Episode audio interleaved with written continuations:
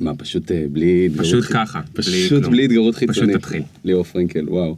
אה, טוב, האמת שזה היה לפני שנה. היינו ב... אני וניצן, השותפה שלי בג'ולט, היינו ב... באיזה קניון בארצות הברית. והיא הייתה כזה ב... וואי, זה יוצא שוביניסטי, אבל היא הייתה כזה ב... לא יודע, איפור, משהו כזה, משהו שלא מעניין לי להיות לידה. ואני הייתי מת מרעב, והלכתי לפוד קורט של הקניון, ובאמת זה מין קניון דרכים כזה בארצות הברית, שעלוב העלובים, כזה junk food, מה זה junk? ואז אה, אה, הלכתי כאילו לחפש אוכל והגעתי ל food court והיה שם כזה באמת junk ורציתי לכתוב לה ב-SMS בוואטסאפ אה, בואי אה, אה, אה, כתבתי לה אה, לה ולעוד חברה שהייתה איתנו כתבתי לשתיהן בקבוצה רציתי לכתוב אה, יש פה מלא junk בואו נזלול. אז שלחתי לה יש פה מלא junk אנטר בואו לזלול. עכשיו אתה מכיר את זה כשאתה הולך לשלוח הודעה בוואטסאפ אז אתה הולך לוואטסאפ לוחץ חיפוש כותב את השם של בן אדם שאתה רוצה לכתוב לו ואז לוחץ על התוצאה הראשונה. כן. רק שבדיוק יום לפני פתחתי את הקבוצה של כל האנשים שאני מכיר בעולם כדי לשלוח להם הזמנה לחתונה. עשיתי טיזר מגניב כזה לחתונה בדיוק התחתנתי והוצאתי וידאו לכל הקבוצות ובלי לשים לב לחצתי עליו והוצאתי אז השעה בארץ הייתה 4 בבוקר. אז תחשוב ששלחתי לכל, לא כזה, אתה יודע, שניים, של... כל האנשים שאני מכיר, כולם, כולל כזה, אתה יודע, אנשים שאני ממש אה, לא הייתי רוצה לשלוח להם את זה, והם קיבלו בארבע בבוקר, אה, יש מלא junk, בואו נזלול. יאיר לפיד היה בקבוצת וואטסאפ הזאת. חד משמעית היה בקבוצת הוואטסאפ הזאת. טוב. רגע, ואז אני חייב להגיד לך מה ניחם אותי. שדמיינתי שכל אחד מהם חווה את זה באופן אה, אינדיבידואלי. כלומר, הם לא חוו את זה כוואו, אנחנו 400 איש עכשיו באולם שרועי כן. שם עלינו פדיחה, כל אחד מהם התעורר בנפרד ב-4 בבוקר, קיבל את ההודעה הזאת, הבין, קיבל אחרי ההודעה בטעות לא לך, שזה היה כזה הברקה של רגע, וזהו, ואז פשוט קיבלתי חזרה כזה 250 הודעות של כזה, בתיאבון. לא, לחתונה שלו אנחנו נלך, כי? יש שם אחלה אוכל. ממש, כן, בן אדם עם טעם, עם- אלגנט. אלגנט. טוב, הבן אדם האלגנט שמדבר אליכם זה רועי דויט, פרם, גבירותיי ורבותיי. רועי כאן איתנו בפופקורן 26, וואו, אני לא מאמין. פופקורן 26 זה אומר שאני כבר עובד על פופקורן חצי שנה בדיוק, שזה מטורף, נכון? לא פספסת 52 שום שבועות. יכול להיות שפספסתי איזשהו שבוע, אבל אז עשיתי שני פרקים ביחד. אנחנו הולכים לדבר על קריירה ועל עבודה, אבל ש... בשתי שניות לאנשים היחידים בארץ, שזה בטח איזה שלושה שלא יודעים מי זה רועי דויטש. סליחה אם הבכתי אותך, רועי דויטש אה, מכר את החברה שלו בגיל 15, הוא הקים אתר על גאדג'טים שנקרא גאדג'טים, נכון? אה, לפני שמישהו מאיתנו ידע איך מקימים אה, אתר בכלל ולפני שזה היה קל. אה, הוא עשה אין סוף דברים, כי אם את זה הוא עשה בגיל 15, עכשיו אתה בן 25? שש. שש כבר, אוקיי. אה, מאז הוא הספיק לעשות המון דברים, כולל אה, לעשות קמפיינים ליאיר לפיד. אה, איך קוראים למפלגה שלו? יש עתיד. יש עתיד, כן. יש עתיד. ואז. לייעץ לפוקס ניוז, נכון?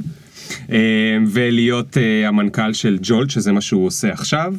אה, הוא היה ב-8200 והוא עשה יותר, יותר דברים ממה שאני יכול בכלל לתאר, שגם הכניסו אותו לכל מיני רשימות מדליקות כאלה של אה, 30 מתחת ל-30, 40 מתחת ל-40, 20 מתחת ל-20, 16 המבטיחים של אה, ישראל, 15 המבטיחים של רמת אביב וכולי וכולי. אה, וקודם כל אני רוצה להגיד לכם שרועי דויטש עכשיו הוא מתרחק מהמיקרופון כי כל כך הבכתי אותו, הוא לא, לא באמת, אה, נהיה לי חם. אה נהיית אדום, וואו. אוקיי, הוא לא באמת מפחיד כמו ש... כמו שזה נשמע. הוא רק גורם לכל בן אדם שלידו להרגיש אה, אפס וכלומניק ושהוא לא יגיע לשום דבר בחיים, סתם אני צוחק. וואי. אז רועי, על גבול, על גבול המעליב. לא, לא, לא, לא, לא צריך, לא צריך. אנחנו נדבר על הדעות שלך על קריירה ועבודה ואיך זה קשור אה, לג'ולט וגם איך זה לא קשור לג'ולט ואיך אתה המצאת את עצמך בעצם וכמה פעמים כבר מחדש למרות שאתה בן 25. אנחנו נתחיל בעוד שנייה. Yeah. Boom. Ring the alarm, hot ass nigga. Big ass head so my dreams get bigger. Make campaign songs so my flows get sicker. Confidence bigger than a drunk ass מה nigga. קורה, graveyard. בסדר גמור, מה שלומך? מדהים. איך הולך? מה אתה עושה בארץ? אתה בכלל חי עכשיו בסן פרנסיסקו, נכון? כן, האמת ש... אמ, זה קצת מצחיק, עברתי לפני שלושה וחצי חודשים, ועכשיו זה פעם שלישית שלי בארץ. אז אה, בן הזוג שלי אומר שפשוט הנחתי אותו שם וחזרתי לארץ. אבל לא היית כזה הרבה פשוט כל פעם לבד שאתה בא. שם כל הזמן. אה, לא הייתי כזה, כאילו אתה בא לתקופות קצרות וחוזר. אני נגיד על חודש אני נמצא פה עשרה ימים. אה וואו. כן, אני ממש הולך להוריד את המינון אבל עכשיו. אז למה אתה פה הפעם? אה, כאילו באת בשביל הפודקאסט. נכון, אמ, קיבלתי מכתב זהוב בדואר, היה כתוב שם שאני מוזמן להתראיין אצל אה, ליאור פרנקל. איזה שטויות. וזהו, רצתי איתו ברחוב ככה. ומה. עשית על הדרך?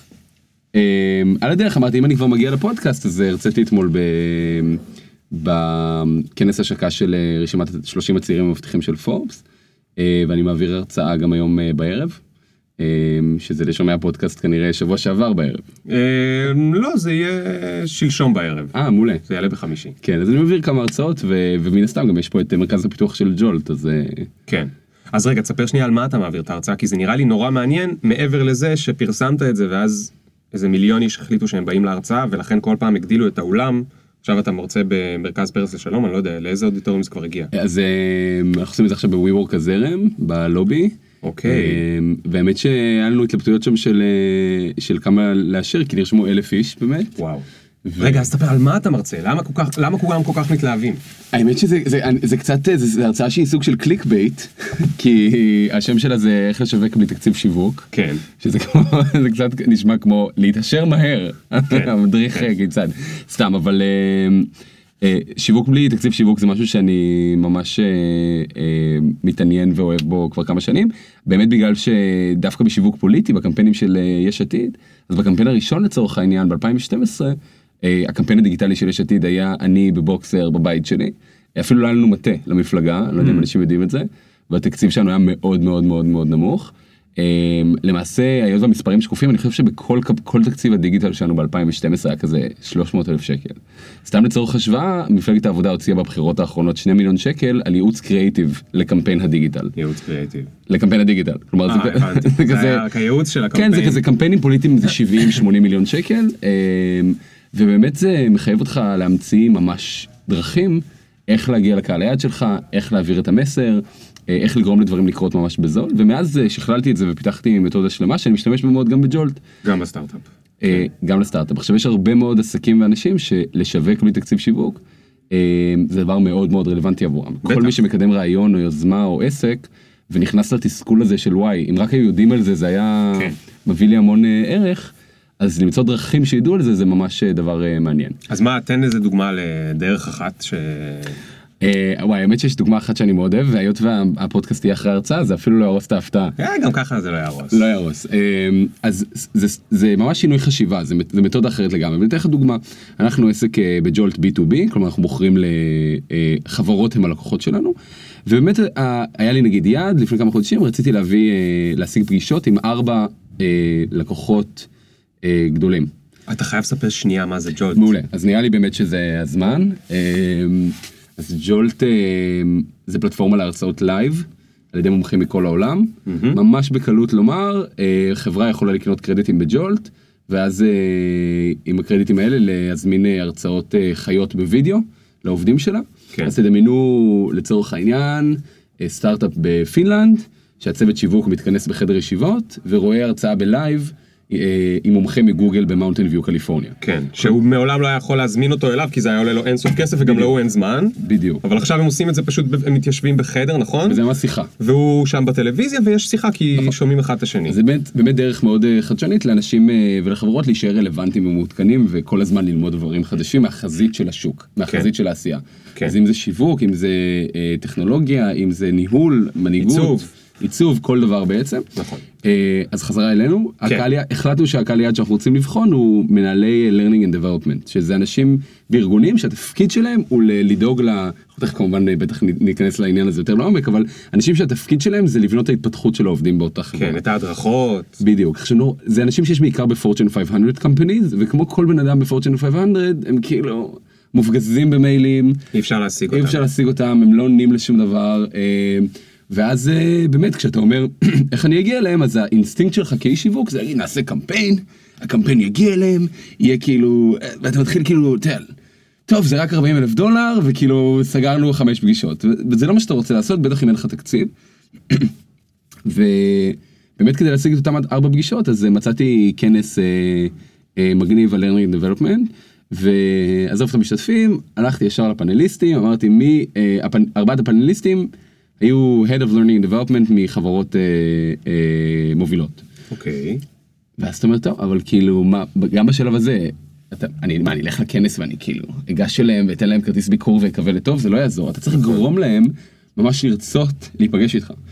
אה, זה אגב, דיברת על שינוי חשיבה, זה הדבר הראשון שכאילו השינוי ב mindset הזה, זה לא לנסות ל- להעיף להם עוד איזה חתיכת רעש מתוך האלף חתיכות רעש שהם רואים ביום, אלא לנסות באמת לחשוב איך אני גורם להם לרצות למשוך אותי לדבר איתם או להיות איתם ממש. בקשר. עכשיו, זו תפיסה שהיא כמעט מודיעינית, כי אתה, אתה, אתה יודע, אנחנו מקבלים, אתה מקבל המון מיילים כאלה, אני יודע, אה, שמסבירים לך למה מישהו צריך אותך. כן. נכון? והוא אומר לך למה הוא צריך שאתה תשב איתו, למה הוא צריך את עזרתך, כן. וכמה שאתה רוצה להיות מקסים ונחמד ומדהים, יש לך 24 שעות ביממה. נכון. ואתה, ואתה רוצה להשיג דברים, אתה לא יכול רק כל היום לשבת עם אנשים שצריכים את עזרתך. והרבה פעמים מיילים של מכירה של, של אה, סטארט-אפיסטים באינסטינקט, אתה כל כך נואש שאתה שולח מיילים שמסבירים למה, למה אתה כל כך צריך שהבן אדם הזה ייפגש איתך. כן. כשהדבר היחיד שמעניין אנשים באמת זה, זה הם עצמם. אה, ולכן שלח, ישבתי, ו, ו, ופה יש את העניין של באמת לתת ערך, אנחנו לא רמאים, אנחנו רוצים באמת לתת ערך לבן אדם, ואחד הדברים הכי משמעותיים שאתה יכול להעניק לבן אדם, זה תחושת משמעות וחשיבות. כן. ואת זה אתה יכול לתת לבן אדם על ידי זה ש, ש, שתקרא, ותחקור, ותלמד, ו, ו, ו, ותיתן לו פידבק אה, כן ואמיתי, או שתיתן לו תחושה אמיתית שבאמת אה, אתה מעריך אותו. וזה ארבעה אנשים תותחים, אז לא קשה להעריך אותם, ישבתי וקראתי עליהם כמו שצריך, ושלחתי לכל אחד מהארבעה אה, מייל שהכותרת שלו היא I'm so excited to see you tonight. עכשיו זה, זה אמת לאמיתה, מאוד התרגשתי לפגוש את ארבעתם. רגע, הלכת לכנס. כן, כן, בוודאי, אבל שלחתי להם באותו בוקר, שאני מסביר כמובן בהרצאה וגם בספר שלי איך להשיג את המייל ואיך עושים את זה, אבל שלחתי להם באותו בוקר, so excited to see you tonight, ובגוף המייל כתבתי, היי, שם, אני ממש, אה, ישבתי עכשיו וקראתי עליך אה, הרבה, פתח סוגריים, משהו שעשית, מאוד אהבתי את, זה מאוד עניין אותי, עם זה אני מסכים, פה חשבתי משהו אחר. אה, אני מאוד מתרגש לראות אותך הערב בהרצאה. עכשיו זה לא כוכב, זה לא מדונה. נכון, הוא הוא הולך להרצאה, הוא לא מכיר אף אחד כמו כולנו, הוא חושש כמו כולנו, הוא מבחינתו הקהל זה מין, הוא, הוא גם צריך לדמיין את הקהל ערום, אז כשיש פתאום מישהו בקהל שמדמיין כבן אדם ש, שנרגש לפגוש אותו, הוא רוצה לפגוש. כל הארבעה עונים זה למייל. לא היום יום שלו, זה לא שהוא כל יום מרצה. באלף כנסים.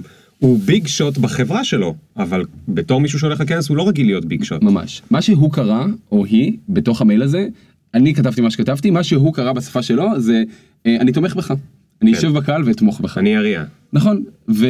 ולכן גם המייל חזרה שלהם היה סופר לבבי וסופר כאילו כל כך שמח לפגוש אותך ואיזה כיף וכל כך נחמד אותך ותוודא שאנחנו מק...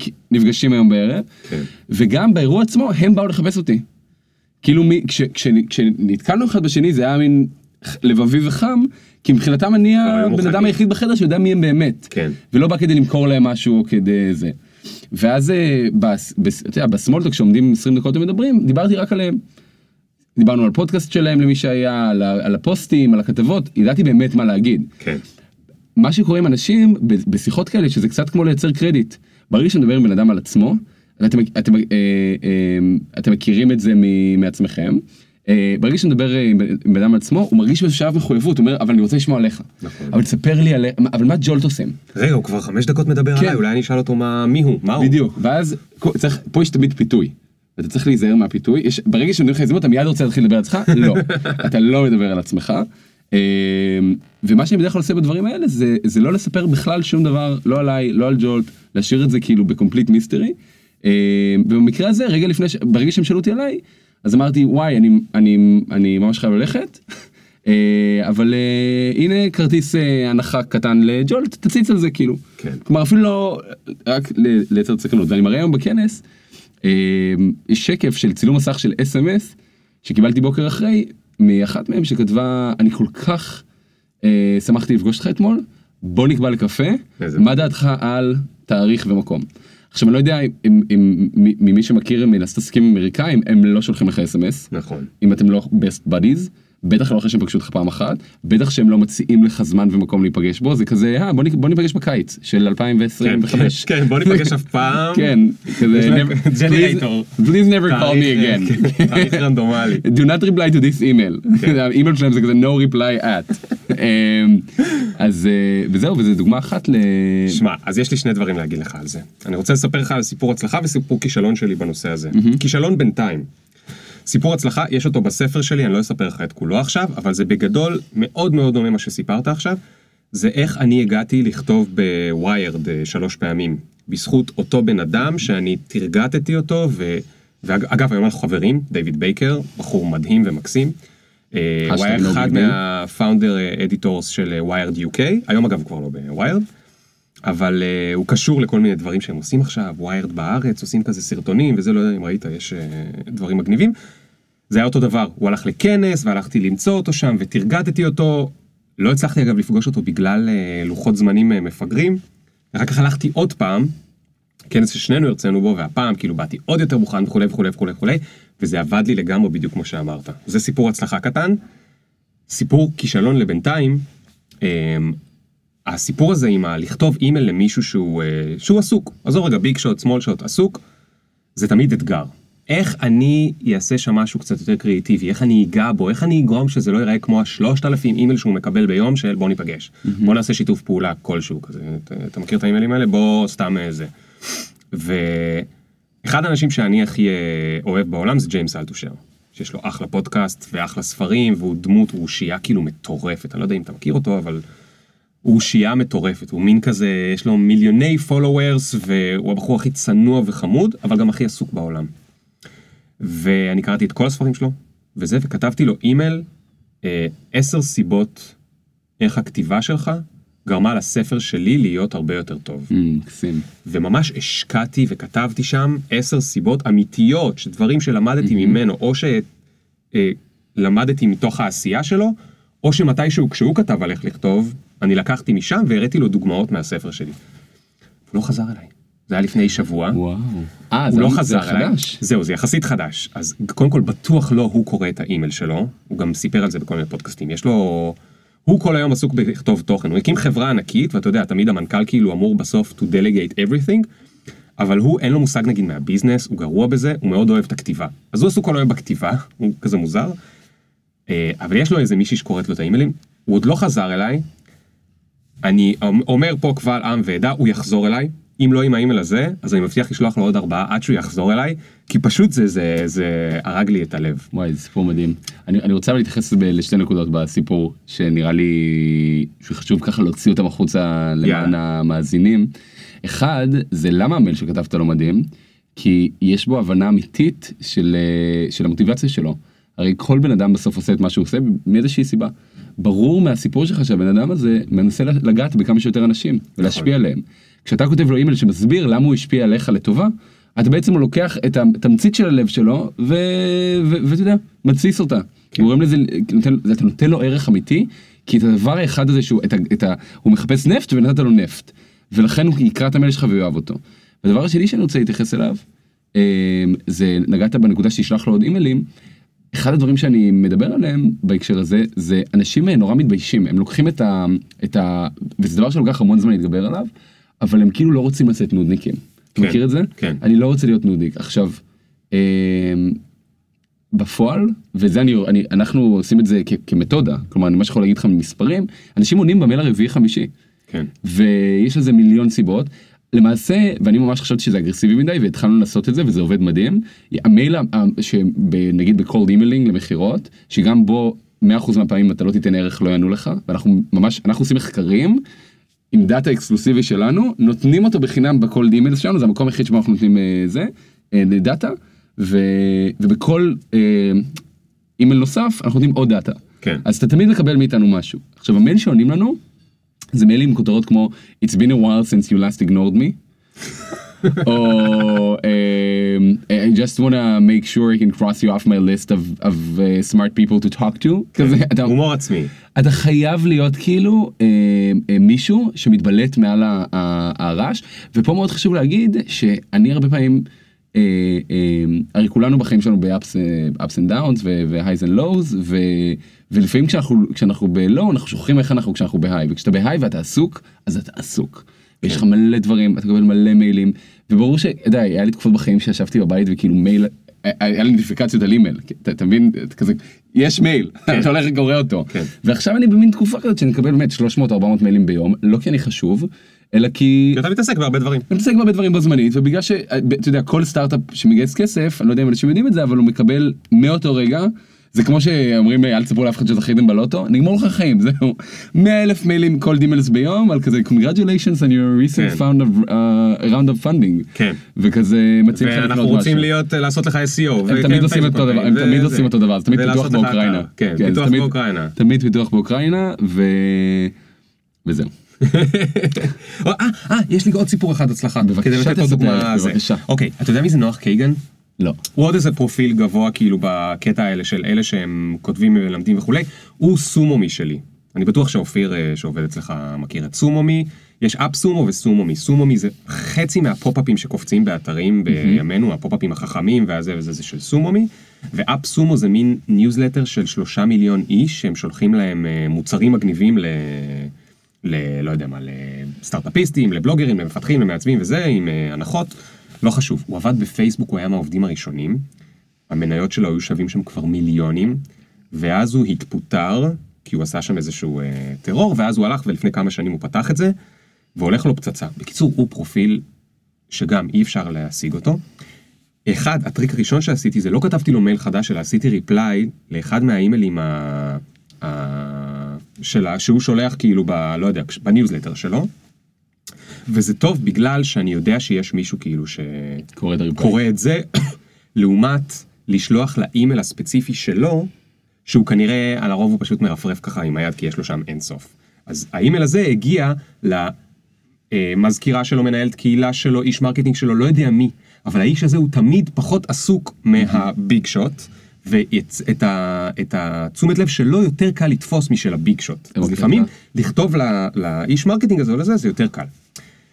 שנית, אה, במקום לכתוב לו, כי בדיוק קיבלתי ל- אה, מכונת כתיבה.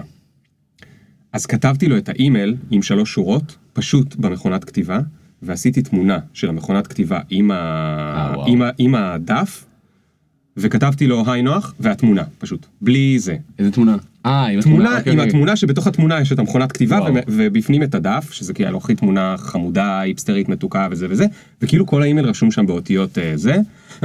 והוא ענה לי לא מהאימייל הזה, אלא מהאימייל שלו, וואו. אחרי שלושה אה, ימים, והוא אמר שאולי הוא בא לישראל, ואז אה, וואו. ניפגש, וזה וזה וזה. ואז גם מה שהגיוני הוא עשה forward כי זה קטע זה כאילו תראה מה נכון. מה שלחו. נכון, וזה הקטע שהזמן הזה של לחשוב עוד עשר דקות, מה לעזאזל אני יכול, לפעמים זה שעה, מה לעזאזל אני יכול לעשות שהוא קצת שונה, הוא קצת...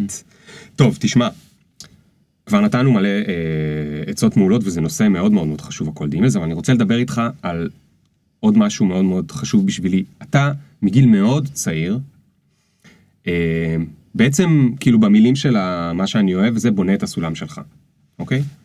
אתה מפלס לעצמך דרך איפה שבא לך, אתה גם גורם להרבה הזדמנויות להגיע אליך, זאת אומרת, אנשים רוצים לעבוד איתך, רוצים למשוך אותך לכל מקומו.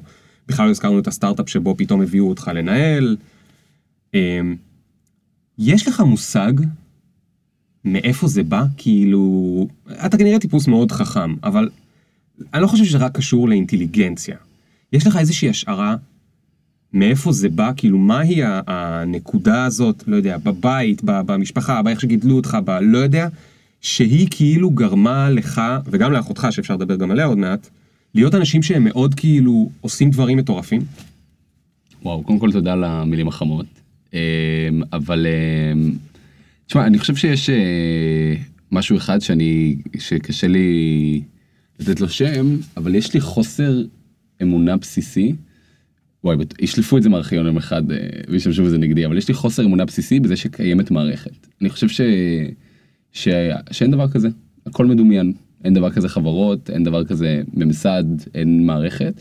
ולא כדי, לא ממקום אנרכיסטי של, אתה יודע, אין חוקים ותעשו מה שבא לכם, אלא נהפוך הוא. ה- יש שיר של עברי לידר, ש...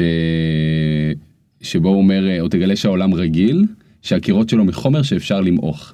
Hmm. אמ, וזה מין אה, משפט כזה שהוא הוא מדהים בעיניי כי הוא באמת אה, הוא באמת אה, הוא, הוא הכל כאילו אין אין כלום ואני אני מתחיל לא לעשות היגיון אבל כדי לעשות היגיון אני אגיד שמגיל מאוד צעיר לימדו אותנו בבית שגם לגבי הבית ספר וגם לגבי המערכת הכי הכי בסיסית כאילו של של אתה יודע של של הממסד שהכל אפשר להגמיש והכל אפשר תמיד יש יוצא, להיות יוצא דופן כל ה... אתה יודע שני, השתי מילים שאנחנו אומרים על התרבות של Jolt זה fucking exceptional. ופאקינג אקספשיונל זה דרך חיים שהיא מאוד משמעותית כי יש ערך בלהיות יוצא דופן באופן מוחלט. ומה הכוונה ביוצא דופן? אנשים מקשרים יוצא דופן עם, עם מצוינות, נכון? משהו שהוא יוצא דופן הוא, הוא אבל המילה עצמה, מה, מה יוצא דופן אומר? מחוץ לזרם המרכזי, מחוץ לדבר הרגיל כן. שכולם עושים. המערכת בנויה כדי להתמודד ולהגביל ו- ולשים גבולות לאנשים שמתנהגים באופן רגיל. נכון? כל, המ- כל המקטבים, כל מקטבים? המקטבים, מקרים ותגובות. אה. כל הדרך שבה המערכת בנויה, היא בנויה כדי להתמודד עם מקרים רגילים של אנשים נכון. רגילים. FAQ כאלה. כן, מישהו בנה תסריט, מה עושים בכל מקרה. ברגע שאתה זז צעד אחד ימינה ומתנהג אחרת, אה, אז המערכת לא יודעת להתמודד איתך, ולכן היא, במידה מסוימת פולטת אותך מה, מהזרם, כן. ומאפשרת לך פשוט לשחק לפי חוקים משלך. עכשיו זה נשמע כמו איזה בולשיט לא, שמישהו... בוא ניתן איזה דוגמה. אז אני רוצה, לפני הדוגמה, לספר על חוק הסומבררו. אוקיי. חוק הסומבררו, אני לא יודע אם זה הצליל של סומבררו, אבל לא- עכשיו, מעכשיו, לא- לא. מעכשיו, לדעתי מעכשיו זה הצליל של סומבררו, שסומבררו כידוע הוא כלי נגינה שעושה את הצליל הזה. נכון, ולובשים אה, אותו על הראש, ואנשים טועים לחשוב שהוא כובע. נכון, זו טעות מאוד נפוצה, ליאור, אני שמח שביארנו את זה סוף סוף. אה, אז אה, אני הדרכתי בבה"ד 15, שזה בית ספר למקצועות המודיעין, וכל הזמן דיברנו שם על חוק הסומבררו. חוק הסומבררו אומר את הדבר הבא, אם אתה, אתה יודע, יש המון דיסטנס בבתי ספר אה, צבאיים, ברור. ואתה קם בחמש בבוקר ועושים מסדר, וזה כזה מאוד כועסים על מישהו עם הכפתור שלו נכון. בחולצה פתוח. כולם שוכבים עם כולם, אבל לא מדברים על זה. ל- סליחה, נו. ליאור פרנקל, באמת. סליחה, אני גם זה- הייתי בבה"ד זה. פודקאסט לכל הגילאים אבל. נו וגילאים זה-. סקס זה לא משהו אסור, דיברת על הזה, דיברת על החוקים. בקיצור, חוק הסומבררו ליאור, כן. אה, היינו אומרים שאם מישהו הולך אה, במגרש המסדרים עם אה, כפתור פתוח בחולצה, אז מהצד השני של הבד אתה תראה אותו ותיתן לו שבת. אבל אם מישהו הולך עם סומבררו באמצע הבד, אף אחד לא יגיד לו שום דבר. וואי, זה מדהים. למה? כי חוק הסומבררו אומר שאם אתה מספיק, אם, קיצוני. אם יש לך סומבררו על הראש בבה"ד 15, למישהו יש, מישהו נתן לך אישור. כן. אתה הרי לא אידיוט, נכון? אתה לא, אתה לא... גם אין חוק לזה. אה, בדיוק, אין חוק שמה שעשו אף אחד לפני זה לא הלך עם סומבררו. אבל זה, זה ברמה, עכשיו אני ממש לקחתי את זה לקיצון וניסיתי את זה, אני, בגלל שאני חייל מאוד מאוד צהוב הייתי ולא קיבלתי אף פעם, אה, חייל צהוב זה חייל שכזה, אתה יודע, עושה הכל לפי החוקים, ומעולם לא קיבלתי תלונה. ויש מקרה אחד שאני ממש זוכר, יש אה, אה, רס"ר מאוד מפורסם בחיל המודיעין שקוראים לו בן לולו. כל בן אדם שהיה ב-8200 עכשיו כזה צוחק וכזה, אתה יודע, כן, בן לולו. זה החבר'ה שלנו. כן, מה היה לי עם בן לולו? אז בקיצור, אה, בן לולו ידוע שאם אתה נגיד בגלח, אבל כבר עבר יומיים מאז שעשית גלח, אז הוא מעיר לך, והוא ישלח אותך לספר. זה, ממש, הוא בן אדם קיצוני, אוקיי. כאילו אתה לא יכול שבצהריים צריך להתגלח שוב, כדי שלא יהיה לך זיפים כן. לזה. ואני פעם ישבתי בבסיס, אה, בבסיס סניפים, שזה הבסיס של בן לולו, וישבתי ליד אה, אה, בן אדם שעשה גלח שלשום, והיה לו כזה, אתה יודע, טיפה צמח לו שיער, אה, ואני הייתי עם שיער כמו שאני עכשיו, אה, אי אפשר לראות אותי, אבל יש לי כמעט כמות שיער כמו ל- ל- ליאור יש לך פרנקל. אפילו קצת יותר. כן, אבל יש לי המון שיער על הראש. נכון. וישבנו אחד עד השני, שנינו היינו באותה דרגה, שנינו היינו חיילים, שנינו היינו במדים, ובן לולו הגיע, הסתכל על שנינו, אמר ל, ל, לחייל שלידי, אתה צריך ללכת להסתפר, מה אם להסתפר? כן. ולך הוא לא אמר. ולי הוא לא אמר כלום. עכשיו, זה, זה כאילו התמצית של, של, של, of everything. כי כבר היה לך יותר מדי שיער. כאילו. כי זה כמות של שיער שהוא אומר, מה, לא יכול להיות שהבן אדם תחת ה, ה, השמירה שלי, הוא כבר הגיע לרמה כזאת של שיער. אני, כנראה שיש לו אישור שיער, ואני לא זוכר. כן. העברתי ככה את כל השירות הצבאי שלי, מעולם לא קיבלתי תלונה, מעולם אף אחד לא ביקש ממני לראות אישור שיער, פשוט היה לי כל כך הרבה שיער, שהניחו שזה בסדר. כן.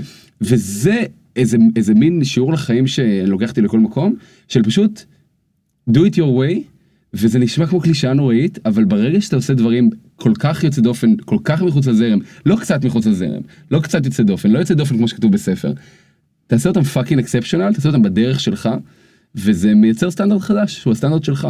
רגע, אז אני הולך להישאר על הנקודה הזאת עוד כמה זמן, זה בסדר? גם תציל אותי מכל הקלישאות שאמרתי, ותמצא, לא, בוא נוריד את זה אנחנו ל... נוריד את זה עכשיו, כי. זה, כי זה כל כך נכון וזה כל כך עובד שאנחנו חייבים לדבר על עוד דוגמאות ועל אה, וכולי. וכולי.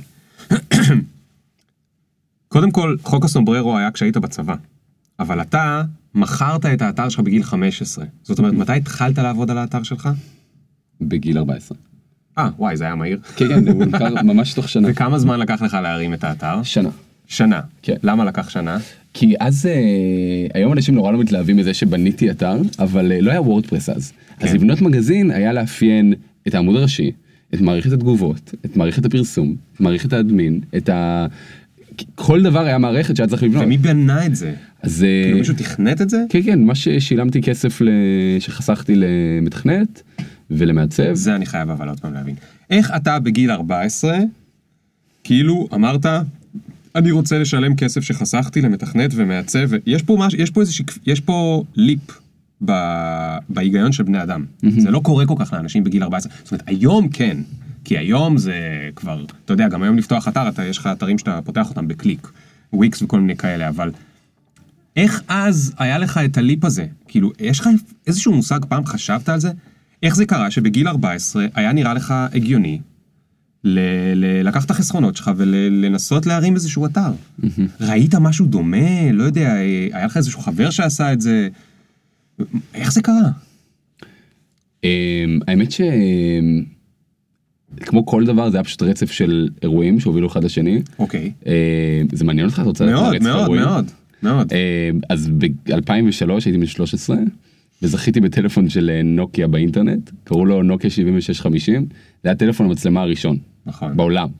אה, אורנג' קראו לו אוקליק, עכשיו זה טלפון שעלה, יכול להיות שהם קיבלו השראה מהשם, אבל הוא קיבל, הוא עלה משהו כמו 7,600 שקל.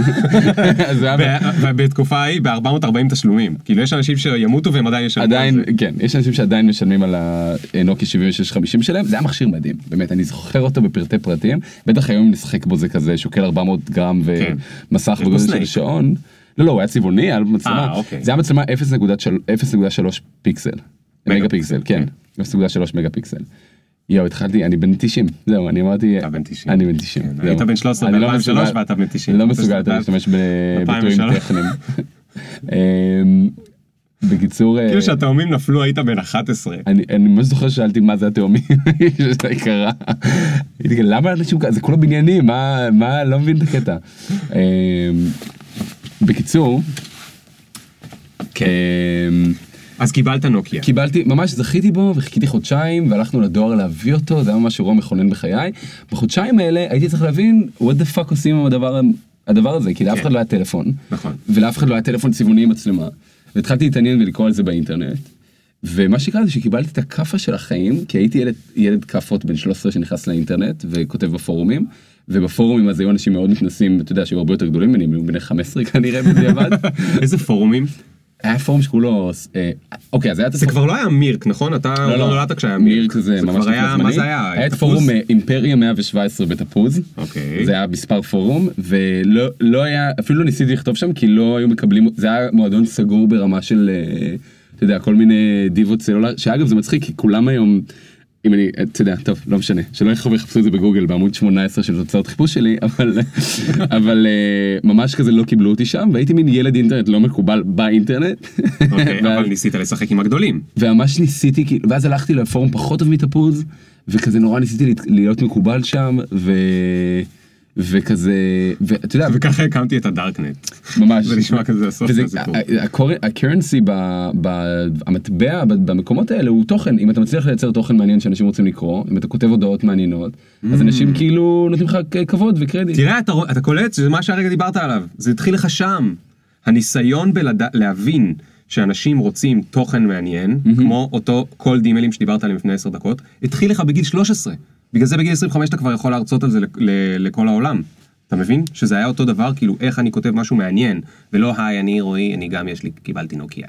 אז מה סיפרת להם שם? אבל אה, אז, אז כל הזמן חיפשתי לקרוא דברים, עכשיו אתה יודע הייתי צריך ללמוד אנגלית יותר טוב כי הייתי צריך לקרוא דברים באנגלית ולתרגם אותם ולעשות כזה להביא תוכן והייתי אוקיי. צריך אה, להבין איך מייצרים תוכן איכותי, ונורא הסתרתי גם את הגיל שלי באותה תקופה, כדי שלא יצחקו עליי שאני בן 13, כי אני, היה שם ילדים, אתה יודע, בת, ב, בצ... היום זה נראה לך 13-15, כולם ילדים, אבל לא. ילד בן 15 מסתכל על ילד בן 13 בהתנשאות אה. מטורפת. אה, והחלום חיי היה שאני אהיה מקובל מספיק כדי להיות בפורום של תפוז. אה, ש... שבסוף אה, אה, מעולם לא התקבלתי אליו, אבל זו צלקת על הנפש שלי, אבל ככה זה התגלגל, ופשוט, אה, ואז כזה סגרו את סמארטפון, שזה הפורום שכתבתי בו, ובגלל שלא קיבלו אותי לתפוז, אז ביקשתי מננה שייתנו לי לנהל פורום. וננה היו גם אז כושלים, ונתנו לי לנהל פורום, והוא הצליח. ואז אה, הרגע המכונן, אני חושב, בחיי, שהאמת שאתה ממש תופתע אני לא מבין איך ביקשת מננה שייתנו לך לנהל פורום בגיל 14. ממש שלחתי מייל, היי, אני רועי, אה, אני ממש מתעסק בסלולר, ראיתי שאין לכם פורום על סלולרי, אם אפשר אתה לפתוח. פשוט היית חצוף. אה, לא ידעת שאתה הייתי- חצוף, הייתי חושב היית שהייתי חצוף. נואש, כי אה. באותו זמן זה היה הדבר הכי חשוב לי בחיים, כאילו ברגע שאתה נכנס סגרו לך את הבמה, כאילו לא היה לך במה. ממש, לא היה לך איפה לכתוב. ממש ככה, אבל פה תשמע קטע מעניין, כי, כי אתה אה, תאהב את זה.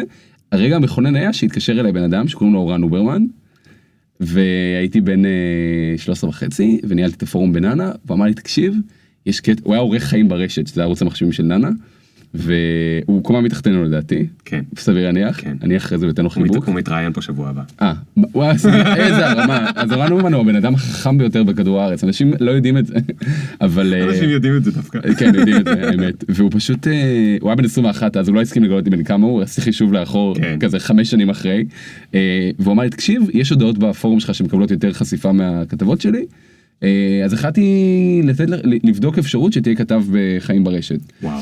והוא הציב לי גזר אה, משמעותי, הוא אמר, אם תתקבל, אז אתה יכול לקבל 100 שקל לכתבה. עכשיו הייתי בן 13 וחצי. מדהים. 100 שקל לכתבה זה כאילו. אתה יודע, ברגע זה אתה עוצם עיניים ואתה מדמיין את עצמך כזה, אתה יודע, עם מלא ארטיקים. כן. פחות או יותר. מסטיקים של NBA. כן, מגנומים all around. אה, מגנום, אתה חושף פה את האהבות שלך כן. בנערות. ממש. ואז, אה, ואורן ממש כשאני הקדיש. הייתי קטן היה רק קרטיב, לא היה עוד מגנום, הם עוד לא הגיעו לארץ. כשהייתי. בכיתה ד'. מקדונלדס הגיעו לארץ, אתה מבין את זה? וואו. טוב, אתה בן 150 נכון, בעצם. נכון, זה ההוכחה. אה, אז אמרת לו סבבה? מה זה סבבה? אורן התקשר אליי כל יום שעה וחצי שעתיים הקדיש לי זמן ולימד אותי לכתוב. אני עד היום ששואלים אותי איך אני יודע לכתוב אה, וכתבתי עכשיו נפרסם את הספר השלישי שלי אה, וכתבתי ארבע שנים אה, טקסטים משמעותיים במפלגת יש עתיד. אה, אורן אוברמן לימד אותי לכתוב באופן אקטיבי. הוא ממש ועכשיו זה יהיה מוקלט אז אני לא יכול להכחיש את זה יותר אף פעם אבל ממש דיברנו כל יום ולמשל אני זוכר שאורן לימד אותי. אה, הוא אמר לי פעם כתבתי משהו התקשר אליי זועם.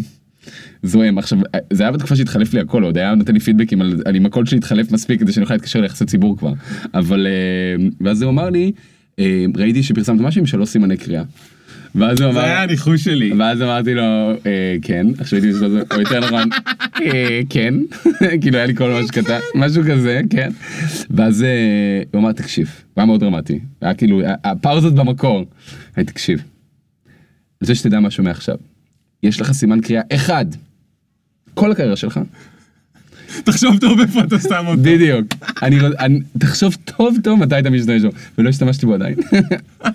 מאותו יום ב-2003 לא כתבתי סימן קריאה. היו לי דיונים עם אורן על סימני הקריאה בספר שלי, איפה זה בסדר ואיפה זה לא. והוא הסכים לך? אני מתחתי אותו ממה שאי פעם מישהו מתח אותו. זה. הגאווה הגדולה שלי בחיים, וואו. שהצלחתי לגרום לאורן אוברמן לאשר לי יותר סימני קריאה. אני יכול לתת לו טיפ של אורן אוברמן, אני אהרוס לו לגמרי כן. תשובה הבאה, לא יהיה לו מה להגיד. לא, לא תהרוס, סתם, יש לו כל כך הרבה, יש לו כל כך הרבה טיפים. אה, הוא פעם, אה, הוא כותב כתבות מדהימות, אורן, מדהימות, באמת, הוא חכם בצורה בלתי רגילה. והוא פעם אה, קרא טקסט שלי, אני עד היום שולח לו כל טקסט שאני מפרסם אותו והוא קורא אותו. זה מדהים. TED שהעברתי לפני שבועיים, אורן קרא, הפידבק שלו תמיד שלילי. אני שולח לו את זה רק כשאני. ממש בטוח. אני שולח לו. תשמע זה טקסט בינוני זה כמו כל דבר שקראתי כאילו, אני אחלה תודה. אני לא אגיע לכלום בחיים, תודה רבה. אה, אבל זה טוב זה מחזיק אותך שפוי. כן. אה, אז אה, הוא אמר לי כשאתה כותב כתבות תסיים לכתוב את הכתבה ואז תמחק את ארבעת הפסקאות הראשונות. כן. ואל תשאל שאלות. וזה עובד 100% מהמקרים. נכון. 100% מהמקרים תתחילו את הטקסטים שלכם מהאמצע.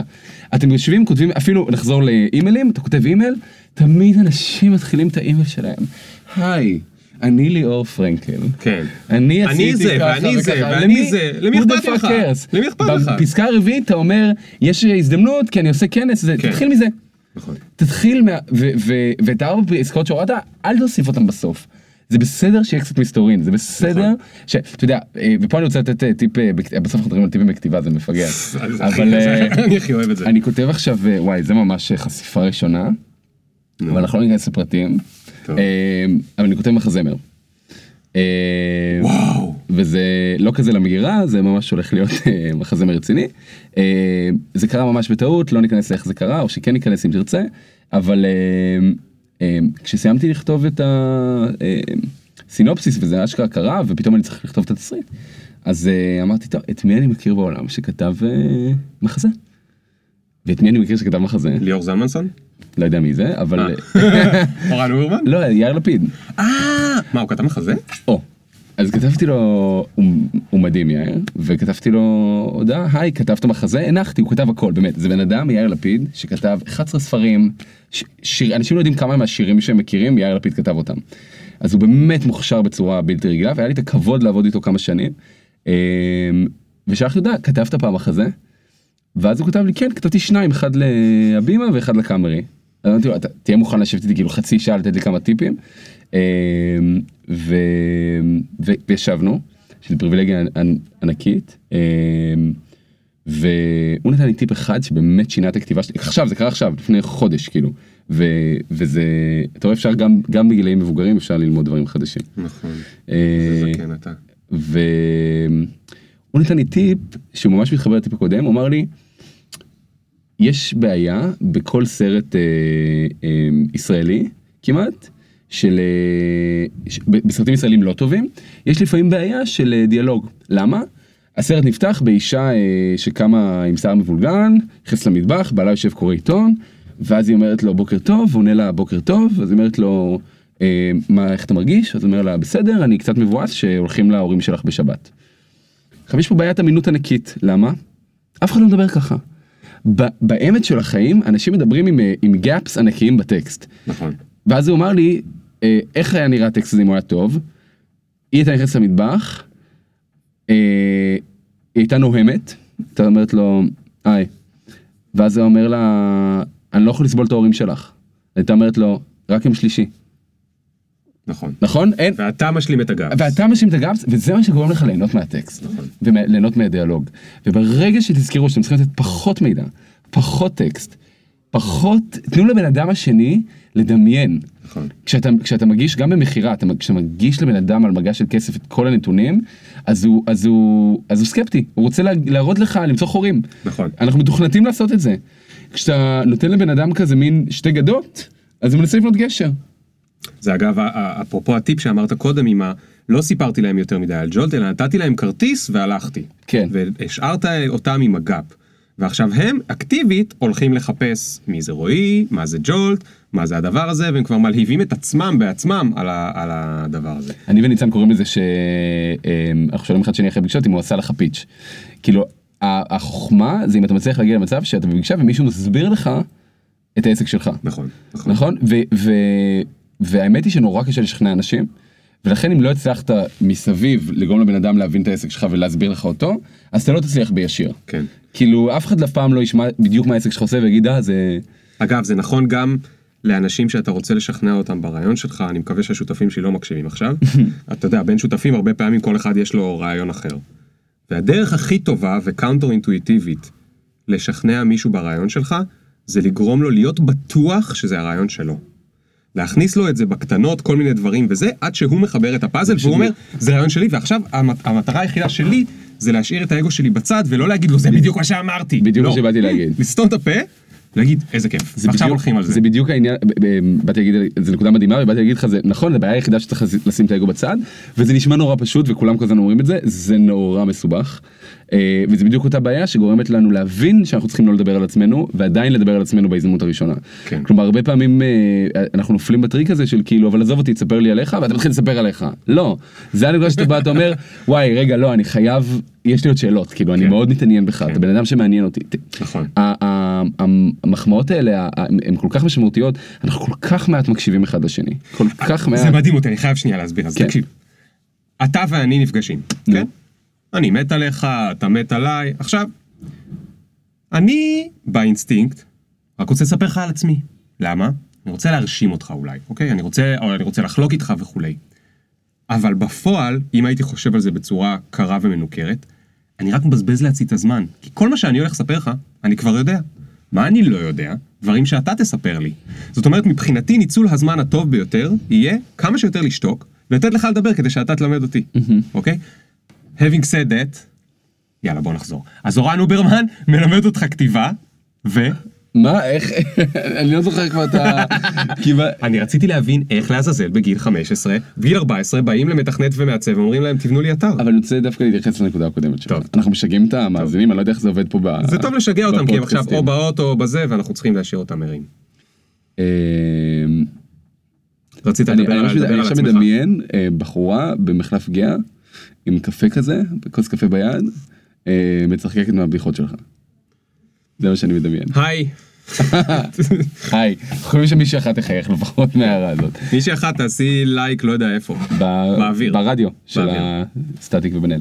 אמ, אז באתי להגיד על זה שפעם ישבתי, הייתי עם Jolt, היינו ב UpWest Labs, שתוכנית אה, אקסלרטור כזה לסטארט-אפים ישראלים בפאלו אלטו. והביאו לנו כזה office hours עם אה, משקיעים. כן. וישבתי עם משקיע שקוראים לו אה, ניקו, ש... שכאילו ישבנו בכזה, ישבנו עם ניקו. אה, ניקו, היה לנו כזה 25 דקות לכל יזם עם משקיעים, ואנשים כאילו נערכים לזה ובאים לעשות את ה pitch. נעשה את ה pitch. אני לא מכיר אף אחד שישב עם מישהו 20 דקות, עשה לו את ה pitch, והמישהו הזה עזב כל מה שהוא עושה, כן. שומעים אלף פיצ'ים. אתה לא, כאילו, יש אה, כתבה שכתבה דונה גריפיט, אה, שהיא יועצת כזה לפיצ'ים של סטארט-אפים, שקוראים לה No one gives a shit about your startup. כן. וזה כל כך, זה קשה לאנשים לתפוס את זה, הם עובדים על משהו נורא קשה, והם לא מבינים שלאף אחד לא אכפת. כן. ואני נכנסתי לחדר ואמרתי, אה, הוא כזה משועמם כזה, אחרי כזה ארבעה יזמים, הוא אומר, נו, תספר לי על הסטארט-אפ שלך, ואני אומר לו, האמת, שאני לא הולך לספר לך על הסטארט-אפ שלי, זה לא מעניין. מה שאני, ב-25 דקות שיש לי איתך, ממש רוצה לשאול אותך אה, שאלה. אה, ואז הוא כזה, כבר כזה, אוקיי, כן. זה יוצא דופן, נכון? זה- כן. זה מחוץ לזרם.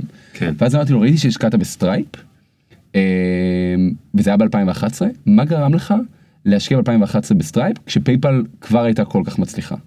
כאילו, מסתכל עליי. נגעתי בסיטואציה שהוא באמת היה בה. כן. נכון? והוא פתאום, פתאום הוא צריך לדמיין את הסיטואציה ולהיזכר בה. אין דבר שאנשים אוהבים יותר מ- מלדבר על עצמם. ופה ספציפית יש קורלציה מלאה בין האינטרסים שלנו.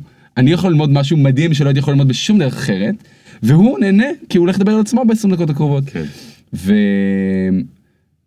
והוא סיפר לי, וזה אגב אה, סיפור, זה, זה, זה טיפ שאני מאוד לוקח איתי לכל דבר שאני עושה. אה, הוא אמר לי, תשמע, מעניין שאתה אומר, ישבנו בחדר, הגיע היזם החצוף והיהיר, זה תמיד זה יזם חצוף ויהיר, והציג את Stripe, הוא מסיים, ואני אומר, אני הייתי משקיע צעיר, ישבתי בחדר, אה, נראה לי שזו הייתה כזה ההשקעה הראשונה שלו, ואמרתי, כן, אבל אה, מה עם PayPal? והרגשתי נורא גאה בעצמי שאמרתי את המובן מאליו. כן. אמ, ואז הוא אמר, אתה יודע, אנחנו הולכים, אה, אנחנו לא הולכים להתחרות ב PayPal בכלל. אגב, Stripe למי שלא יודע זה שירות לסליקת כרטיסי אשראי ברשת. כן. שהם מתמחים במרקט פלייסים. עכשיו, ב-2011 רק התחיל רמזים של ה sharing economy. נכון? זה רק ממש היה, היה, היה בחיתוליו. אמ, ש sharing economy זה כזה Uber, Airbnb וכן הלאה. והוא ענה, היזם אמר, אנחנו לא הולכים להתחרות ב PayPal, אנחנו הולכים לבנות אה, את הדרך הפשוטה ביותר אה, לסלוק כרטיסי אשראי במרקט פלייסים באינטרנט, אה, מתוך נקודת הנחה שכמות הכסף שחברות שייווצרו בחמשת השנים הקרובות יסלקו, גבוהה יותר מכמות הכסף שחברות שקיימות היום סלקו בחמשת השנים האחרונות. כן. אז אנחנו הולכים להתמקד אך ורק בחברות שלא קיימות היום. למעשה אנחנו פונים, הלקוח שלנו הוא לקוח שעוד לא נולד, עוד לא קיים, עוד לא יצר את החברה שלו. עבורו אנחנו מייצרים את המוצר הזה. עכשיו זו תשובה שמציתה לך את הדמיון, כי אתה אומר, אם אני כבר הולך לשים ז'טונים על משהו, אז על משהו כל כך יוצא דופן. נכון. נכון? זה, זה ממש חלק מהתפיסה.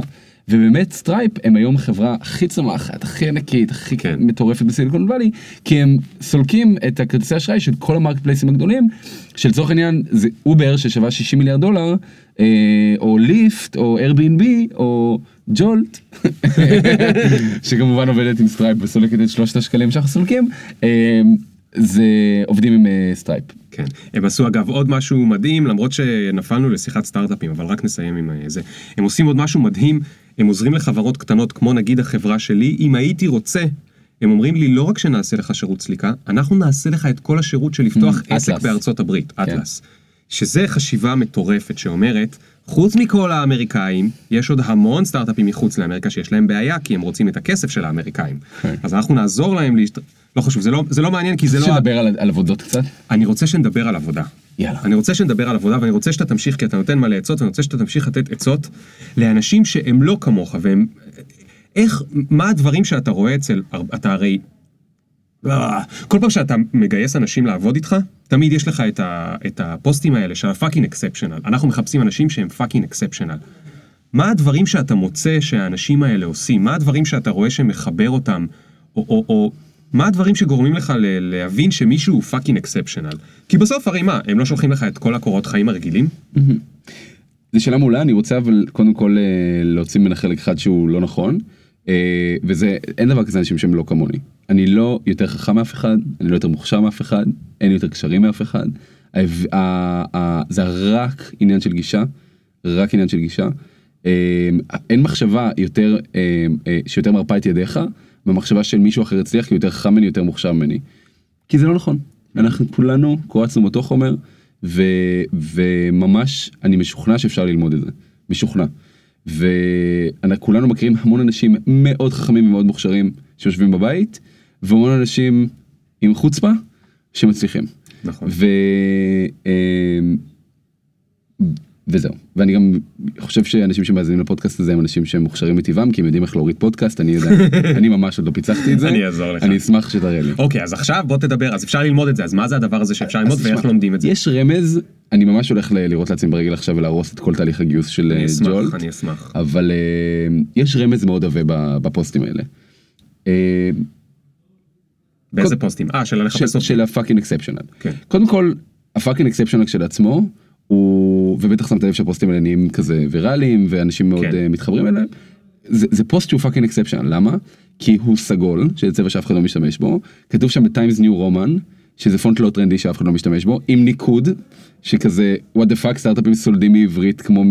מתרחקים מזה כמו מאש, כאילו הישראלים דוברי העברית שהם מגייסים, יחשבו שהם יותר מגניבים הם יכתבו באנגלית. כן.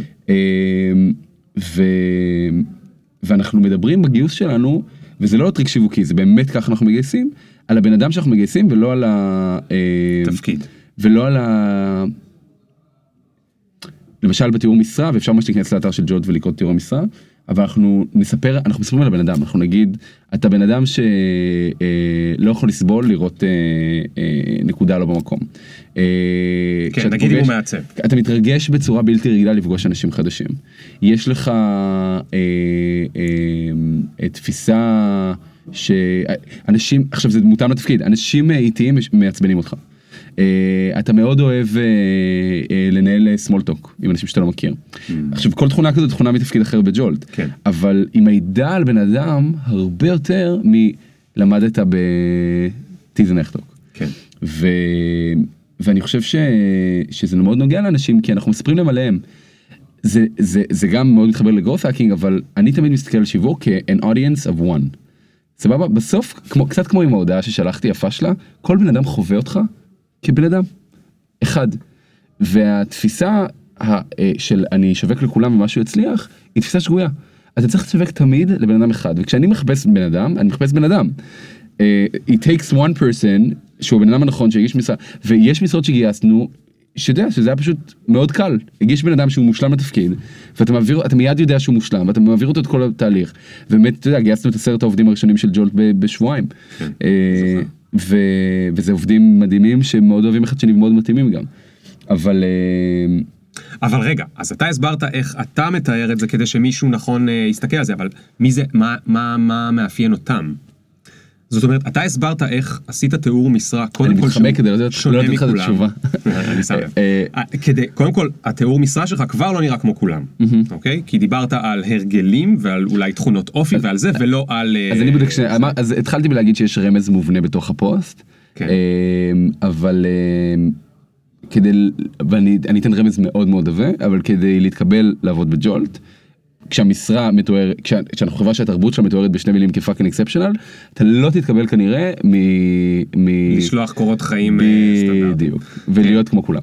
כן. ואלה שכל בן אדם שעובד ב Jolt הוא בן אדם שעשה משהו מאוד יוצא דופן כדי להתקבל ל Jolt. כן. אמ, וזה אומר שאו שהם עשו assignment מדהים, אה, או שהם, אה, אתה יודע, תמיד בתהליך המיון יש assignment, יש איזה אה, תרגיל. כן. ואנשים נורא, נורא, אתה יודע, אומרים מה, אני אשקיע בזה יותר משעתיים, זה. כן, אתה רוצה, אתה רוצה את העבודה, אתה, אתה, אתה, אתה יודע, מלא אנשים מדהימים מת- מתחרים על אותה משרה. תהיה fucking exceptional. עכשיו להיות fucking exceptional לא אומר תשקיע שמונה שעות, זה אומר תשב שנייה ותחשוב מה הכי הרבה ערך שאתה יכול לעשות. אני כשאני מראיין את המתמודדים, אה, הדבר האחד והיחיד שעל בסיסו אני מחליט אם לקחת אה, אה, מתמודד אה, אחרי שהוא עבר כבר את כל המיונים והוא כנראה מתאים באיזושהי צורה אם אני יושב איתו. זה שאלה אחת וזה האם למדתי משהו חדש בפגישה הזאת. המון אנשים מגיעים לרעיון עבודה והם באים עם שפיל כל כך מוכן שאתה כבר אחרי שתי דקות אתה משתעמם כי אתה אני יושב עם מישהי ואני שואל את השאלה ואז היא מביאה היא הופכת איכשהו את התשובה לספר את הקורות חיים שלה אבל קראתי את הקורות חיים שלה ואני זה לא משנה זה כאילו באמת לא משנה לא כי לא אכפת לי ממך אלא כי אכפת לי ממך אני רוצה להכיר אותך אני רוצה ללמוד עלייך ויותר מהכל. אני בן אדם עסוק ואני רוצה ללמוד משהו שאני אפיק ממנו תועלת. נכון. אז בואי תלמדי אותי משהו שלמדת. עכשיו אני לא אומר להם תלמדו אותי משהו שלמדתם, אלא אני, אני מחפש במילים שלהם לשמוע את הדבר הזה שהם יודעים שאנשים אחרים לא יודעים. במה הם fucking exceptional? עכשיו כל אחד יש משהו שהוא יודע שאחרים לא יודעים, אבל יש אנשים שהקדישו יותר זמן ללטש את ההבנה שלהם של מה זה. ושאכפת להם מספיק ללמד אנשים אחרים כן. שהם ימצאו דרך להראות את זה בצורה ש, שהם יכולים להגיש אותה אה, שהיא משמעותית. עכשיו אם אתה לא יכול ללמד אותי משהו בפגישה של 45 דקות שבה כל מה שאני עושה זה להקשיב לך, אז אתה לא תלמד אותי משהו שנתיים. כן. שנתיים שבהם נעבוד ביחד. ואם אתה לא הולך ללמד אותי משהו, אז בהכרח זה אומר שרק אני הולך לתת לך. ו... ו... ואיך אני אמור לדעת משהו שאני יכול ללמד אותך? כי מה עשיתי? כי מה, כי מה אני עושה כל היום ש, שיגרום לי לדעת ללמד אותך דברים? אתה לא צריך ללמד אותי איך לעשות אה, A-B testing. אוקיי. בוא, בוא תלמד אותי גישה, ש... תספר לי סיפור שלא שמעתי קודם לכן. תלמד אותי גישה אה, שהיא גישה שלך. תראה לי זווית אחרת לאיך שאתה עושה דברים. כן. תספר לי פעם אחת שלא על פעם אחת שהצלחת, כי זה לא מעניין. תספר לי פעם אחת שלמדת משהו כן, חדש. כן. וזה, זאת אומרת, או תסקרן אותי, או entertain, כאילו תספר לי משהו בידורי אבל שאני אראה שיש לך לא, איזשהו... זה תלמד אה, אותי, זה. זה תלמד אותי משהו חדש, וזה, וזה, אתה יודע, אם זה היה קל אז כולם היו עושים את זה, אבל זה אתגר. כן. וכל בן אדם היום.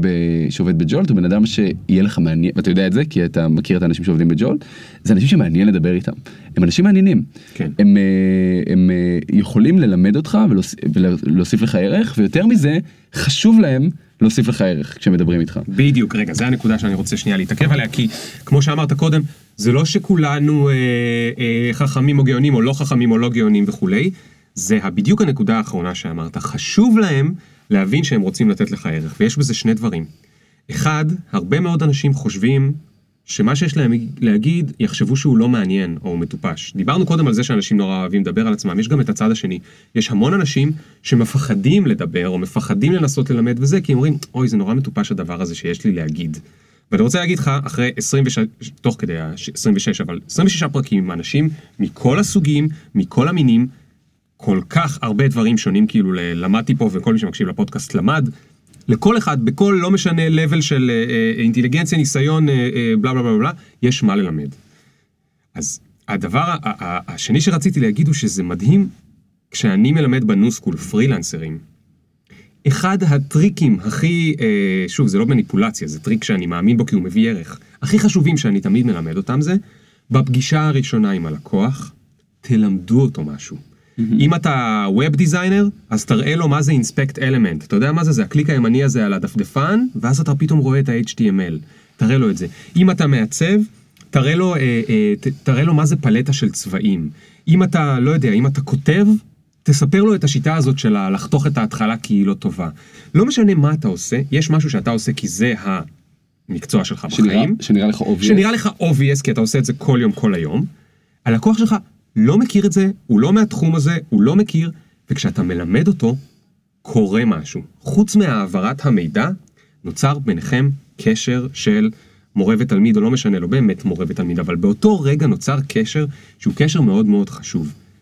כל מה שאנחנו רוצים זה ללמוד מאחרים, כאילו אנחנו מאוד אוהבים אנשים שמלמדים אותנו דברים. אני ארצה להיות חבר במשך שנים ארוכות של מישהו, כי אני אדע שהרבה מהפעמים שאני אפגוש אותו, הוא ילמד אותי משהו חדש, זה יגרום לי לרצות להיפגש איתו עוד ועוד ועוד ועוד ועוד ועוד. אני אקשיב לפודקאסט של אה, ג'יימס אלטושר, כי הוא מלמד אותי דברים חדשים, ואני אקרא ספרים של מי שמלמד אותי וכולי וכולי וכולי.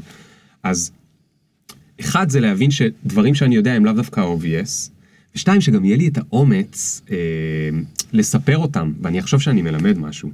בוא נדבר טיפה על אומץ, כי, כי גם אומץ זה משהו שנראה לי שאתה פשוט לא יודע, אתה נולדת איתו כאילו בטירוף, או, או קיבלת אותו מהבית או משהו כזה, אבל אם אתה מסתכל גם על אחרים ו- ועל אנשים מסביבך מכולי, מאיפה מקבלים את הדבר הזה של, ה... של האומץ?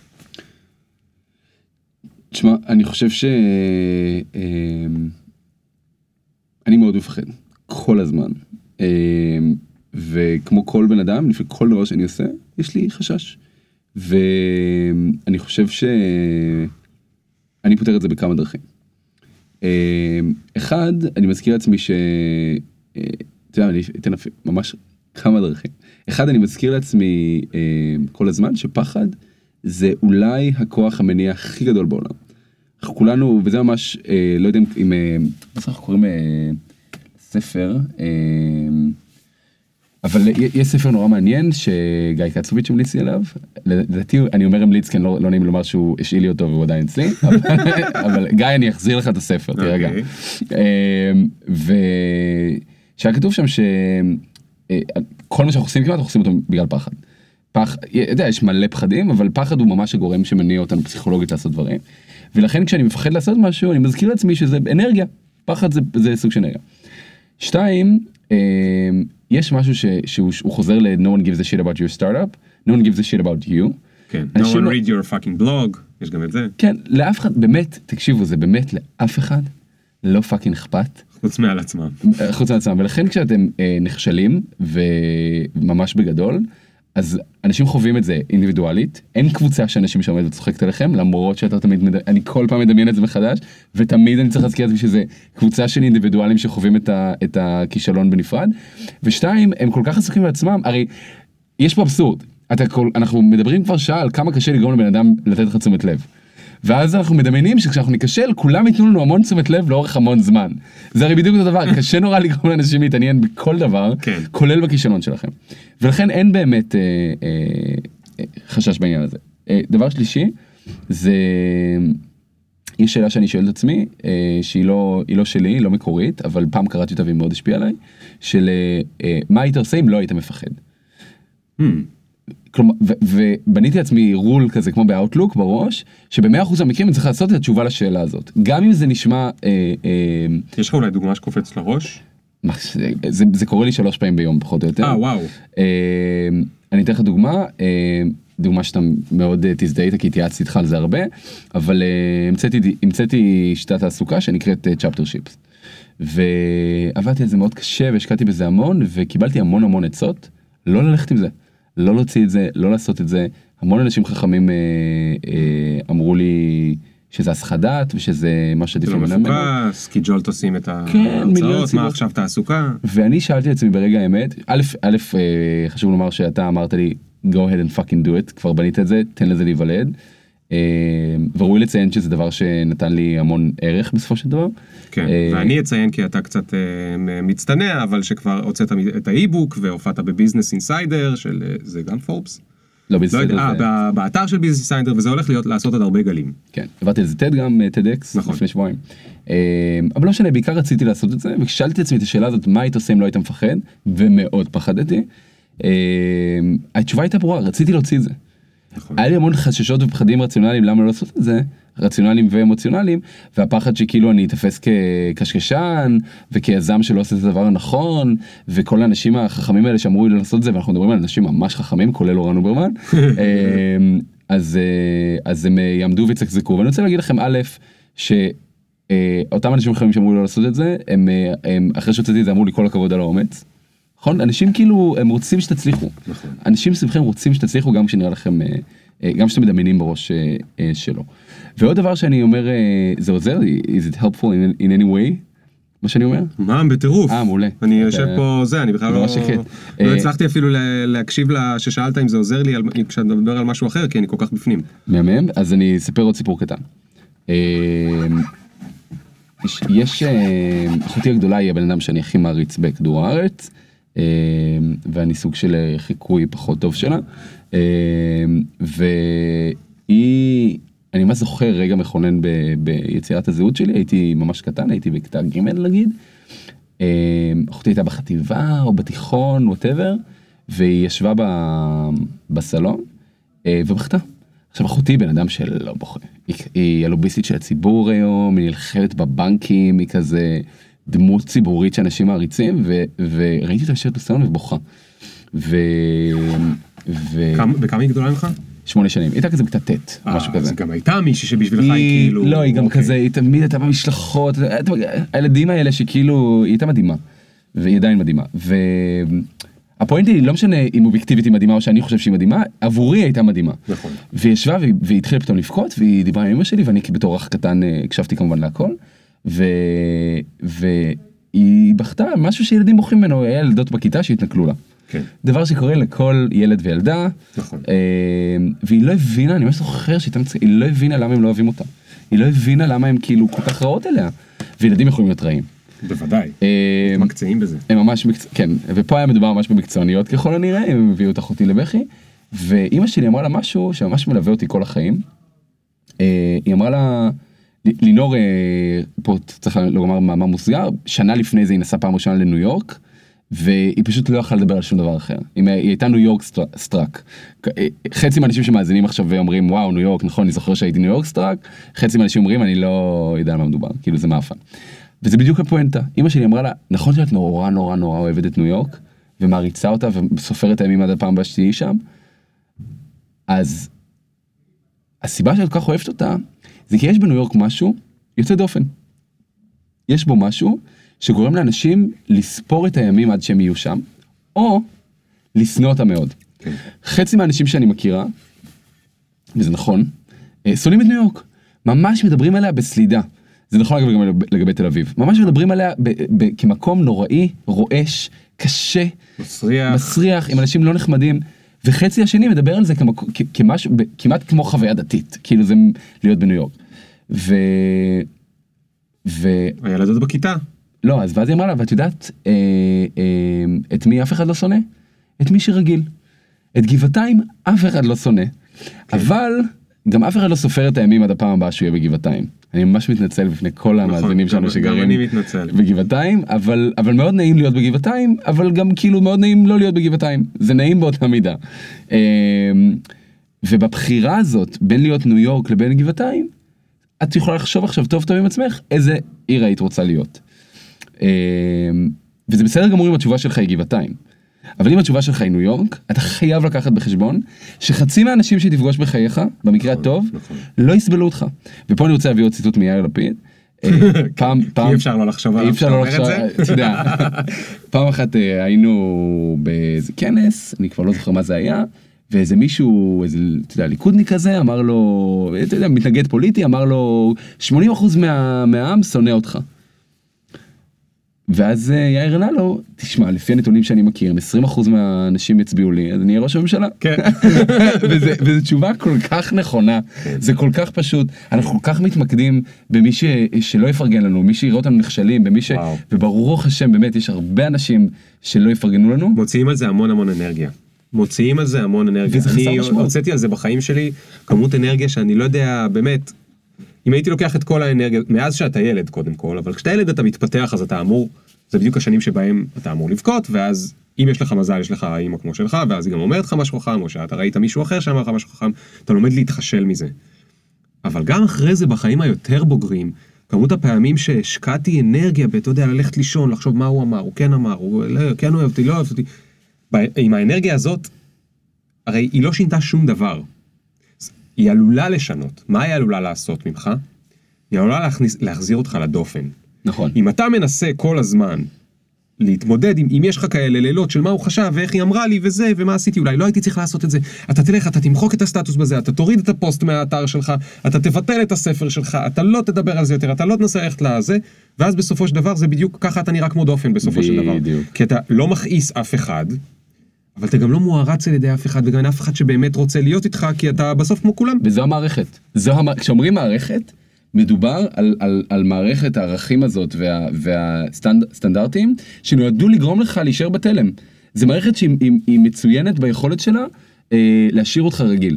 כן. ואם אתה מחליט בהחלטה מודעת שאתה לא רוצה להיות רגיל, שזו החלטה שאני מעודד כל אדם ואדם לקום היום ולקבל את ההחלטה הזאת, כי במאה אחוז מהמקרים מייצרת חדשנות וחשיבה יצירתית, ויוצרת ומביאה ערך לעולם, אז אם זו החלטה שאתם מקבלים, go ahead and fucking do it. כאילו תהיו יוצא דופן, ת, ת, אה, תהיו אחרים, וקחו בחשבון שזה אומר שהרבה אנשים אה, לא יקבלו את מה שאתם אה, עושים. עכשיו, נשמע נורא אמיץ עכשיו שאני אומר את זה, כל פעם שאפילו בן אדם אחד is this approving of me, כלומר מישהו שאני קורא טוקבק אה, שלילי, מישהו, אתה יודע עכשיו הייתה כתבה ביזנס אינסיידר אז כאילו כל מקום שזה התפרסם היה דיונים על גבי דיונים על, על אה, אתה יודע, על האם זה טוב או רע. אמרו bullshit?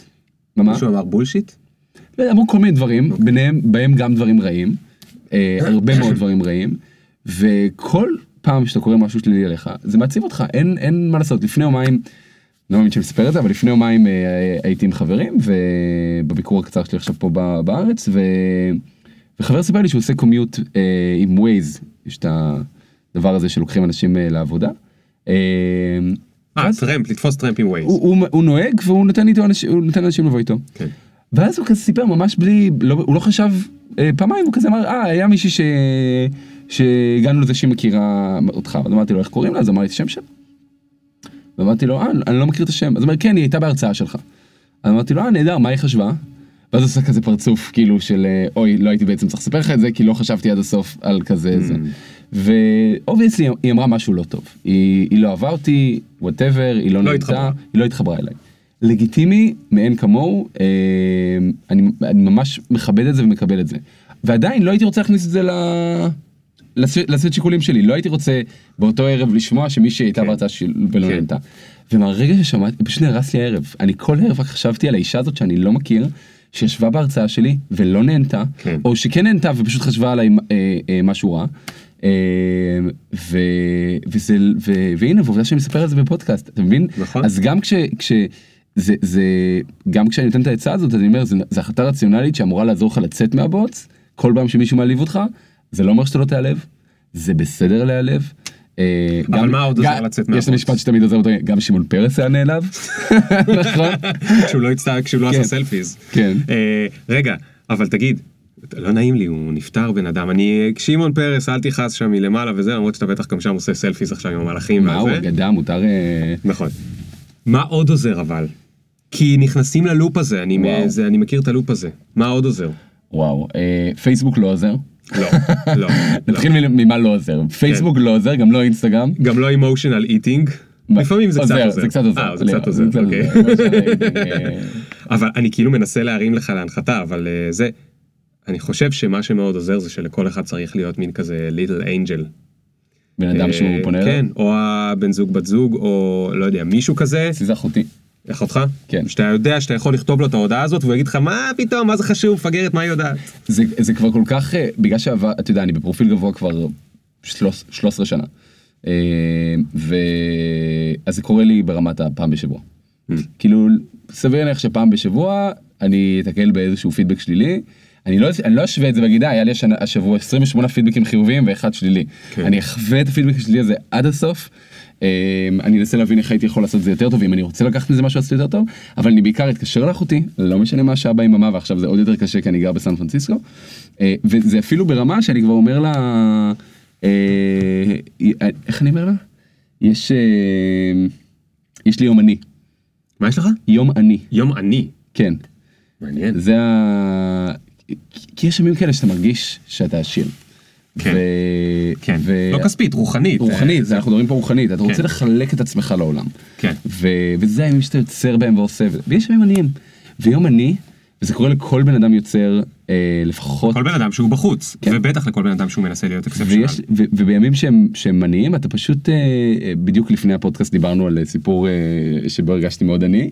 אנחנו לא נספר אותו בגרסה מוקלטת אבל אה, ואני פשוט אומר לה, יש לי יום עני והיא פשוט היא יש לה היא יורה את זה זה היא אפילו היא יכולה היא בכנסת יש לה בוט. כן היא בכנסת אה, עם התינוק. כן עם התינוק שנייה שנייה אה, זה יורה עליי כזה איזה שלוש דקות אה, של אה, פידבק חיובי וסוגרת ואני חושב שמאוד חשוב להגיד את זה כי לאנשים שמסתכלים על, על, אה, על, על דברים כאלה מבחוץ והם רואים שהייתי בפורבס הם רואים שהייתי ב, ב, בעיתון וזה וזה נראה להם כאילו הכל תמיד כן. מעולה ו, ובאמת של החיים אני פעם בשבוע לפחות.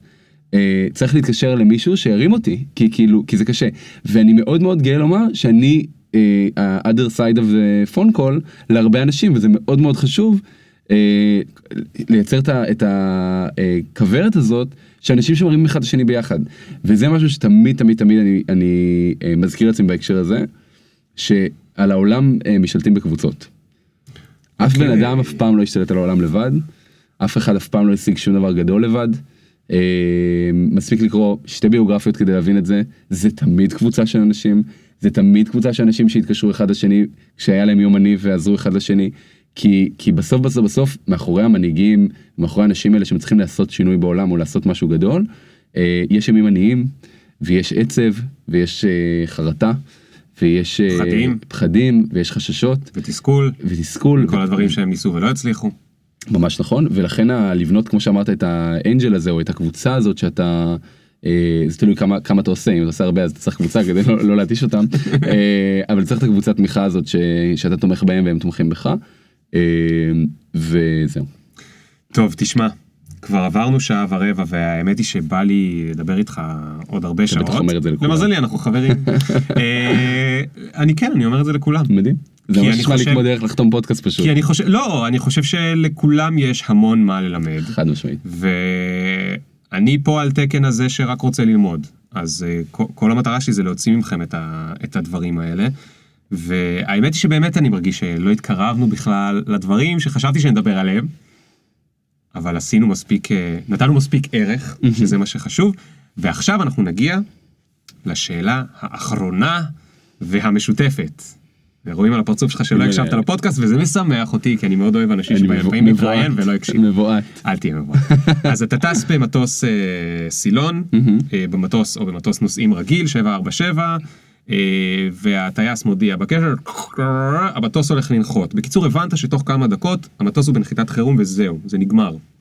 זהו, הלך. כאילו הולך למות? אתה הולך למות, כן, אוקיי. לא נעים להגיד, אתה הולך למות, אוקיי? אלא אם לא יודע מה יקרה, אתה הולך למות. מתוך אלף המחשבות שיש לך בראש, אחת המחשבות היא, איזה באסה שלא הספקתי לעשות, וואו. אמ, מה זה ככה בהפ- בהפתעה זה קשה. אמ, לצאת לחופשה ארוכה. אה, אני ממש אוכל את עצמי על זה בימים לא האלה. יצאת אף פעם לחופשה ארוכה? אף פעם לא הייתי יותר משבועיים מחוץ לשגרה אינטנסיבית. אה, גם לא הייתי בשום מקום שהוא לא כזה, אתה יודע, ארצות הברית או אירופה או כזה, אתה יודע, מקומות רגילים. כן. לא הייתי כזה בתאילנד, לא הייתי, הייתי ביוון פעם ראשונה השנה. אה, אני יכול לבקש ממך משהו? כן. שתהיה לך משימה אחת להשבוע, לקבוע לעצמך תאריך, לא אכפת לי גם אם זה בעוד שנתיים, בקלנדר, שאתה נוסע לחודש, ותשלח לי את האיבנט. הלוואי, זה תמיד כזה אחרי היעד הבא. באמת, זה, זה ב-to-do list שלי, זה נדחף כבר... עזוב את אה, ה-to-do list, אני אומר לך. בקלנדר. ותשתף אותי, ואני אהיה כאילו ה... ותקנה לי גם את החופשה? אני מאחל לעצמי בעוד שנתיים ושיהיה לי בכיף לקנות לך תשוב, כי אני גם מכיר את הסטנדרטים שלך והם מאוד גבוהים.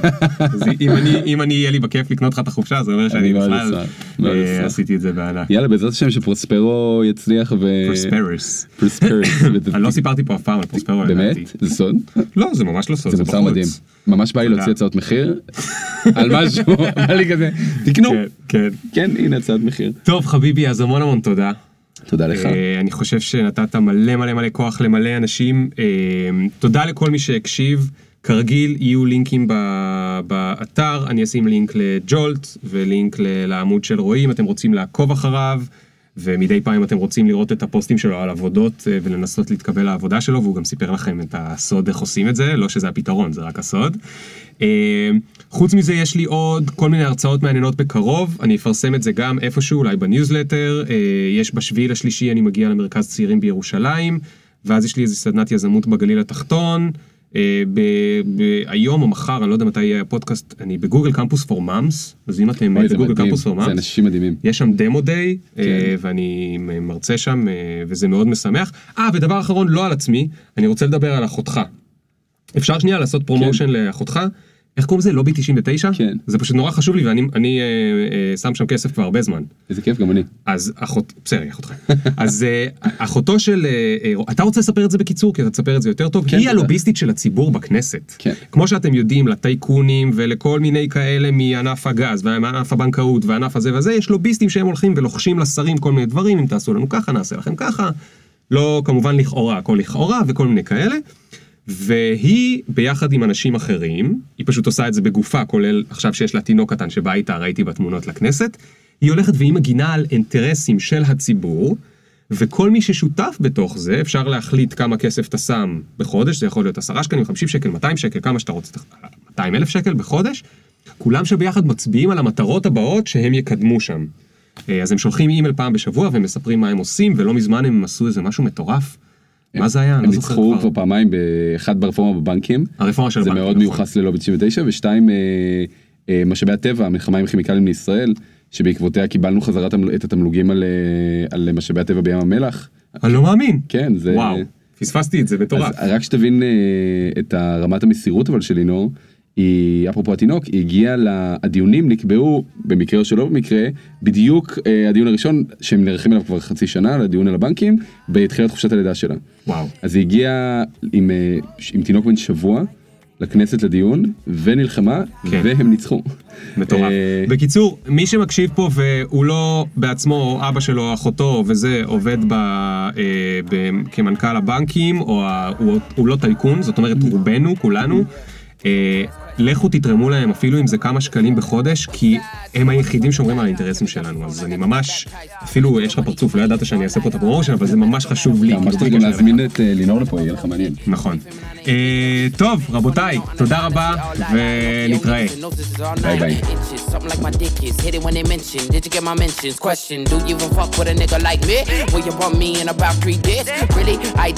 Cause every time a nigga talk, they can't see the big up picture. Fuck your filter, me can't go run, but me can't repeat. Nah.